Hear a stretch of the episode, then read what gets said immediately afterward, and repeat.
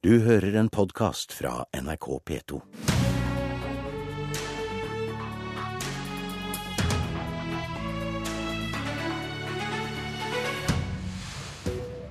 Per Sandberg skal inn i regjering.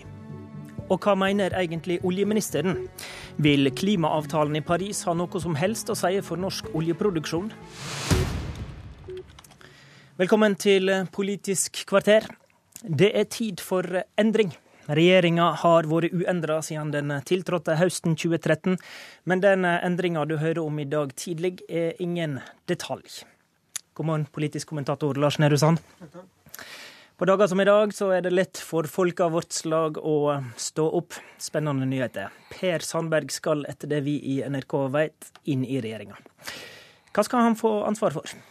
Det er litt usikkert hva slags ansvarsområde han får, men det grepet regjeringen eh, samtidig tar, er å eh, utnevne en egen statsråd som skal få ansvaret for asyl- og integreringsområdet, som i dag er eh, samla til flere departement, bl.a. Barne- og likestillingsdepartementet og Justisdepartementet. Nå skal det opprettes en ny statsrådspost i Justisdepartementet, hvor, som da får et samla ansvar for det som jo blir en av de største utfordringene.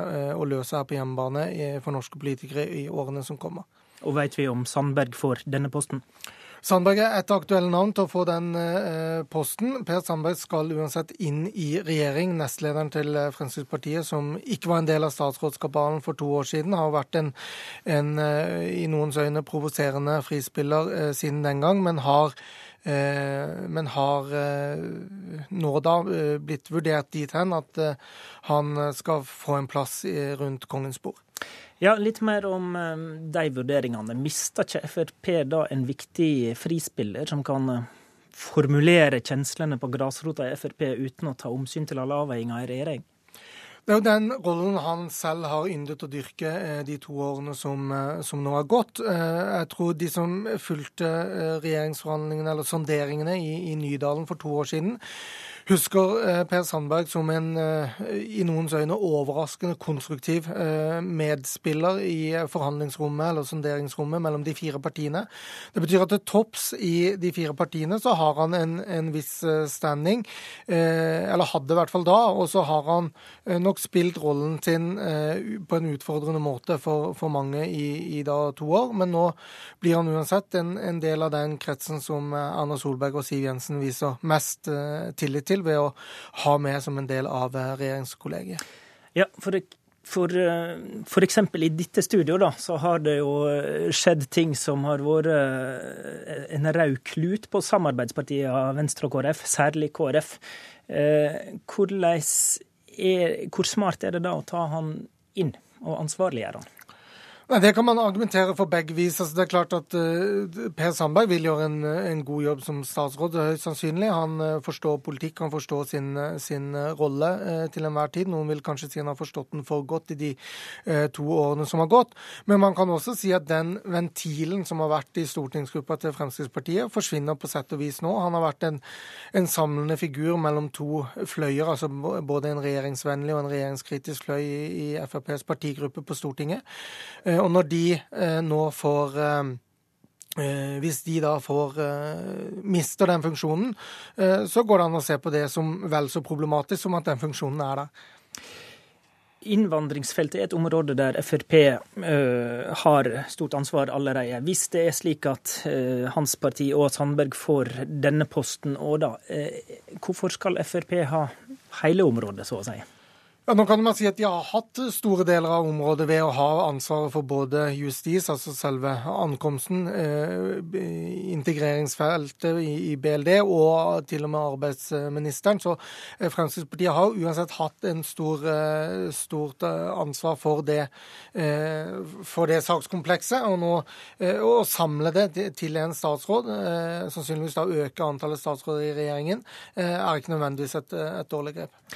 Vi tror da at dette skjer i ekstraordinært statsråd i morgen. Ehm, det kommer vel flere endringer når de først gjør dette? Det gjør det. Det kommer nye inn. Eh, det går nok flere ut også. Eh, I tillegg så byttes eh, ansvarsområdet både mellom statsråder og mellom de to partiene Høyre og Frp som, som utgjør regjeringen. Takk til deg, politisk kommentator Lars Nehru Sand.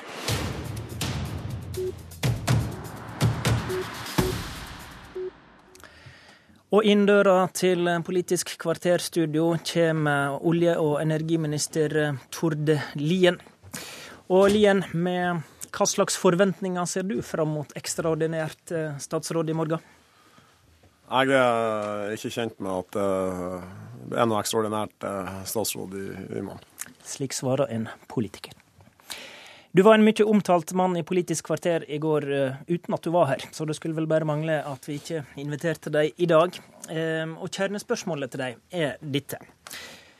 Har Parisavtalen om klima noe som helst å si for norsk oljepolitikk? Først må jeg få lov å si at jeg setter utrolig stor pris på den jobben eh, Tine Sundtoft og folka hennes har gjort i å bidra til det som ble en eh, for så vidt eh, overraskende positiv avtale i, i, i Paris. Mm. Så er det sånn at når nå den avtalen er mer offensiv enn vi, og ambisjon, ambisjonene er større enn vi kunne forvente i, i forkant, så er det selvfølgelig enda viktigere at det er de mest kostnadseffektive tiltakene som eh, blir iverksatt. I Norge så er det stort flertall i Stortinget som står bak eh, regjeringa sitt eh, mål om å håndtere klimautfordringer sammen med våre partnerland i EU.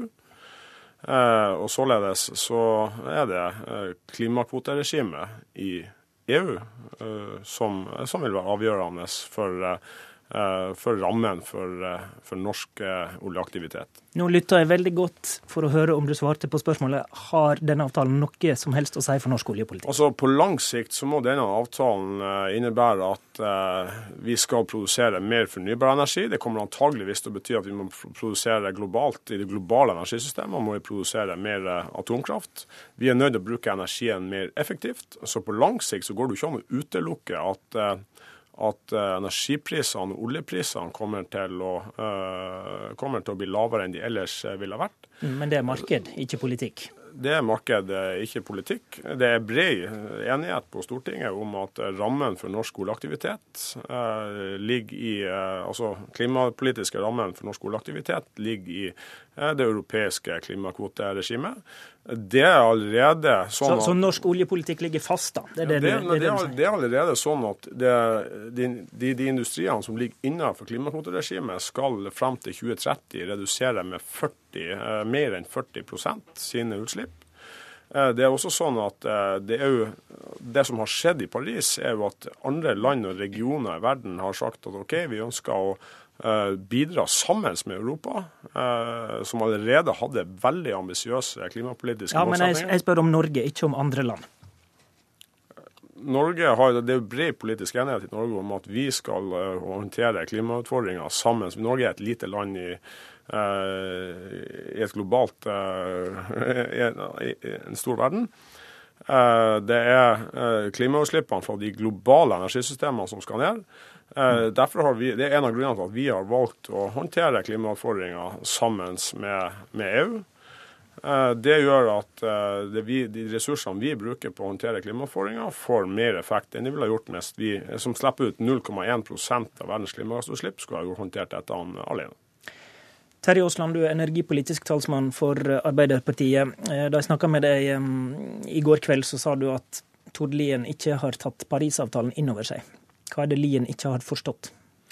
Det er at eh, det som har skjedd i Paris nå, kommer til å få konsekvenser. Eh, det er sånn, og det er veldig bra at, eh, at den breie enigheten som ble i Paris, den kommer til å føre, at, føre til at verdenssamfunnet ser bort fra fossil energi, som er en av hovedårsakene til klimautfordringene våre. Og en kom til rette blikket mot eh, fornybar energi og en eh, annen type drift av samfunnet enn at en eh, driver med klimagassutslipp. Så det kommer til å få konsekvenser. Det kommer til å bli et marked som blir vanskeligere og vanskeligere. Vi har allerede store utfordringer i dagens marked med lav pris osv. Så, så får vi i tillegg nå en, en, en større fokus internasjonalt på det fornybare, de fornybare mulighetene. Dette kommer til å skje Eh, medføre teknologiskifte. Dette kommer til å øke oppmerksomheten omkring fornybar energi. Mm. Og etter hvert så kommer prisen også til å slippe ut. Eh, betyr noe. Og Det er da det får konsekvenser også for hvilke muligheter som er innenfor det fossile markedet. Og da Men du, må, eh, bare Ja, OK, Ja. Da må da må, da må selvfølgelig norsk eh, olje- og gassaktivitet være innpassa i det markedet hvis vi skal ha en framtid. Eh, og det er en direkte konsekvens for, eh, for, eh, for aktiviteten OK, men, men betyr det at du, for du i første del av resonnementet sitt nå, så bruker du passivformer, får konsekvenser, vil medføre, og så sier du men da må norsk politikk være innpassa. Altså skal vi forandre norsk oljepolitikk da, som følge av Paris? Hvis ikke norsk, eh, norsk olje- og gassaktivitet klarer å tilpasse seg lavutslippssamfunnet, det betyr at den må betydelig redusere sine utslipp, så vil, eh, vil olje- og gassektoren eh, over tid bli fasa ut, fordi at da vil de ikke kunne klare eh, å, og å ha aktivitet innenfor det, det markedet som, som er der, og innenfor de rammene som så, ligger. så ja, vi må endre norsk oljepolitikk. Vi må i hvert fall eh, sørge for at eh, de aktivitetene som er, og som har et langsiktig perspektiv i seg, i utgangspunktet ikke har klimagassutslipp ved seg. Lien. Ja, selvfølgelig er det, må det alltid være en målsetning for, for norske myndigheter å legge til rette for at eh, produksjon av energi fra norsk sokkel er lønnsom. Det er jeg jo helt enig i. Men og, og, når Aasland sier at må, eh, verden kommer til å se bort fra fossil energi, det mener jeg er naivt. Eh, Vi ser nå f.eks. At, eh, at Storbritannia sier at, skal, at Storbritannia skal nå deres klimapolitiske målsetninger gjennom å erstatte kull med gass. Den gassen må, må komme i stor grad fra Norge. Så viser det at gass er en del av også en klimapolitisk løsning. Vi ser nå at eh, forbruket det er, jo ikke, det er jo ikke forbruket av olje som er problemet, det er jo overproduksjon. Forbruket av aldri, av olje har aldri økt så mye eh, som det har gjort i, i 2015. Og så vil jeg si at aktiviteten på norsk sokkel er allerede godt tilpassa et strengere klimapolitisk regime. Ikke bare fordi at gass er godt tilpassa. Ikke bare fordi at gass bidrar til lavere klimagassutslipp fra energiproduksjonen i Europa, men også fordi at produksjonen okay. av olje og gass på norsk sokkel er underlagt stra, strang, stramme rammer. Og ei veldig veldig høy eh, CO2-avgift for produksjon. OK, vår produksjon er en del av løsninga, sier Lien, og den er godt tilpassa et nytt regime. Eh, sier, ministeren. Eh, du, Rasmus Hansson fra Miljøpartiet De Grønne, du langa ut mot både han og i dag i Klassekampen mot Arbeiderpartiet. Hva er det du etterlyser fra, fra deg her, da? Altså, Miljøpartiet De Grønne foreslo allerede i går på Stortinget at regjeringen må komme tilbake til Stortinget med eh, hva som blir konsekvensene og hva som blir tiltakene etter at 186 land har henvist til 1,5 grader som den eh, ønskede grensen for eh, global klimaendring. Og Grunnen til at vi har bedt om en sånn tilbakemelding, det er at når regjeringen og når Arbeiderpartiet eh, etter hvert setter seg inn i hva det vil si å begynne å henvise til bare 1,5 graders global temperaturøkning, så kommer de også til å skjønne at det er en dramatisk, dramatisk mye mer ambisiøs eh, målsetting enn togradersmålet. er Og? Og det betyr ganske enkelt det første, som Terje Aasland sa, verden kommer veldig fort til å måtte se bort fra fossil energi for i det hele tatt å kunne nærme seg et sånt mål. Så fra Arbeiderpartiet, for å starte med dem fordi de sitter nærmest, eh, så etterlyser jeg altså den erkjennelsen som vi hørte eh, litt av i begynnelsen av Terje Aaslands innlegg, før han ble litt mer eh, klassisk Ap.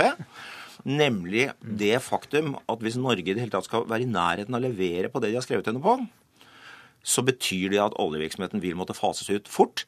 Eller så må vi innføre karbon- karbonfangst og -lagring i et helt ekstremt eh, om, omfang. Osland. Det er den eneste fornuftige konsekvensen. Dette må nå bli den nye tenkinga. Punkt 1, Det er greit å komme til Stortinget og få en, over, altså få en, eh, få en analyse på konsekvensene. Det er vi enige om. og Det sa vi allerede i helga at det var viktig å få fram. Så er det sånn at eh, Dette er jo en eh, global avtale nå. Den omhandler hele verden og hvordan vi skal løse vår tids største utfordring. Det som er viktig nå, det er jo at vi begynner arbeidet her hjemme. Og da må vi veksle inn måla i konkrete tiltak. Og vi har lenge nå etterlyst en handling fra regjeringen, hvor de kommer til Stortinget og viser hvordan skal Norge fram til 2030 klare å kutte sine utslipp med 40% Regjeringen har ennå ikke valgt Kjemme, å ta imot den invitasjonen, den og det bør de gjøre nå. Lien? Kort til slutt, ti sekunder. Jeg må bare si at Vi har jo, vi har jo en enighet bl.a. med Arbeiderpartiet om hvordan vi skal håndtere Kommer den tiltaksplanen? Ja, det, det er ikke min rolle å, å svare på. Det er ikke enighet om tiltakene? Vi er enige, vi er enige om ambisjoner, og vi, vi vet at vi må forhandle med EU. Vi får eh, se, må jeg bare si, for sendinga er slutt. er. Du har hørt en podkast fra NRK P2.